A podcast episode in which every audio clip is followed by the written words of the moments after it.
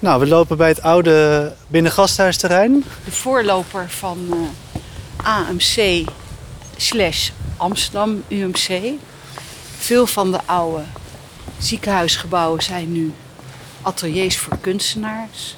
En in een van die ateliers zit Sarah Meij. Die gaan we nu bezoeken. Om te kijken wat ze voor werk heeft gemaakt. Naar aanleiding van de opdracht. En daar zien we er al staan. Hallo Sarah. Kom binnen. Een beetje een zoektocht altijd. Ik heb een beetje opgeruimd. ik moet eerlijk toegeven dat normaal ben ik altijd een beetje een soort de ontplofte kunstenaar, maar ik dacht het ook wel. Welkom bij de negende aflevering van de serie Kunst in tijden van corona van Amsterdam UMC. Ik ben Sabrina Kamstra en samen met Menno Dudok van Heel gaan we dit keer op bezoek bij Sarah Meijer Herman. Sarah Meijer is fotografe. Voor haar werk legt ze contact met adolescenten die ze vaak jarenlang volgt en vastlegt op de foto. Als we binnenkomen in haar studio zien we meerdere foto's aan de muur hangen. Eén daarvan valt heel erg op. We zien een meisje van een jaar of 17 heel ontspannen liggen. Het lijkt wel alsof ze op een vijver met uh, leliebladen drijft.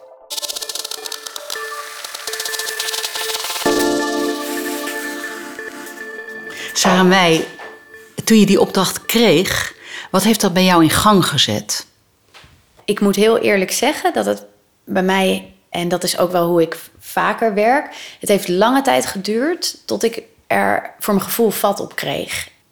Het, het, het verlamde me in het begin een beetje, ook omdat het zo'n groot thema is, wat natuurlijk nooit eerder, in ieder geval in onze generatie, heeft plaatsgevonden.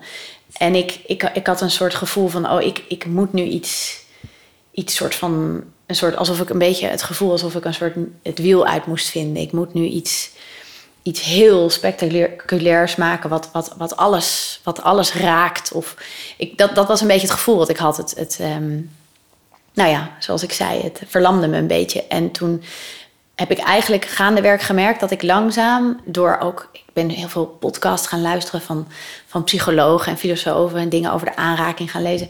Dat ik eigenlijk weer helemaal terugkwam bij de essentie van mijn eigen werk en mijn, mijn, hetgene dat me drijft. En dat, het eigenlijk heel, dat ik het heel dicht bij, bij mezelf kan zoeken. En dat punt heb ik nu eindelijk bereikt. Maar dat kostte wel even. En wat is hetgene wat jou drijft in je eigen werk? Ehm, wat mij drijft is de noodzaak uh, van de nabijheid tot de ander. Um, maar ook de onmogelijkheid om de ander volledig te kennen en te bereiken. Um, doordat je nooit helemaal dezelfde taal spreekt. Ook al. Ik bedoel, je, je, je, je kunt zo goed mogelijk uitleggen wat je bedoelt. En de ander kan daar zo goed mogelijk op reageren. Maar er blijft altijd een kloof, ook al kan die heel klein zijn. En de aanraking is daar dus hetgeen dat een groot deel van de miscommunicaties en misverstanden opvangt. En dat is iets, de aanraking en de nabijheid tussen mensen, dat is eigenlijk dat is het thema wat altijd in mijn werk aanwezig is geweest. Wil je meer horen over de andere kunstwerken die Amsterdam UMC in het kader van COVID-19 heeft laten maken? Luister dan ook naar de andere podcast in de serie Kunst in tijden van corona. We waarderen het enorm als je onze podcast deelt.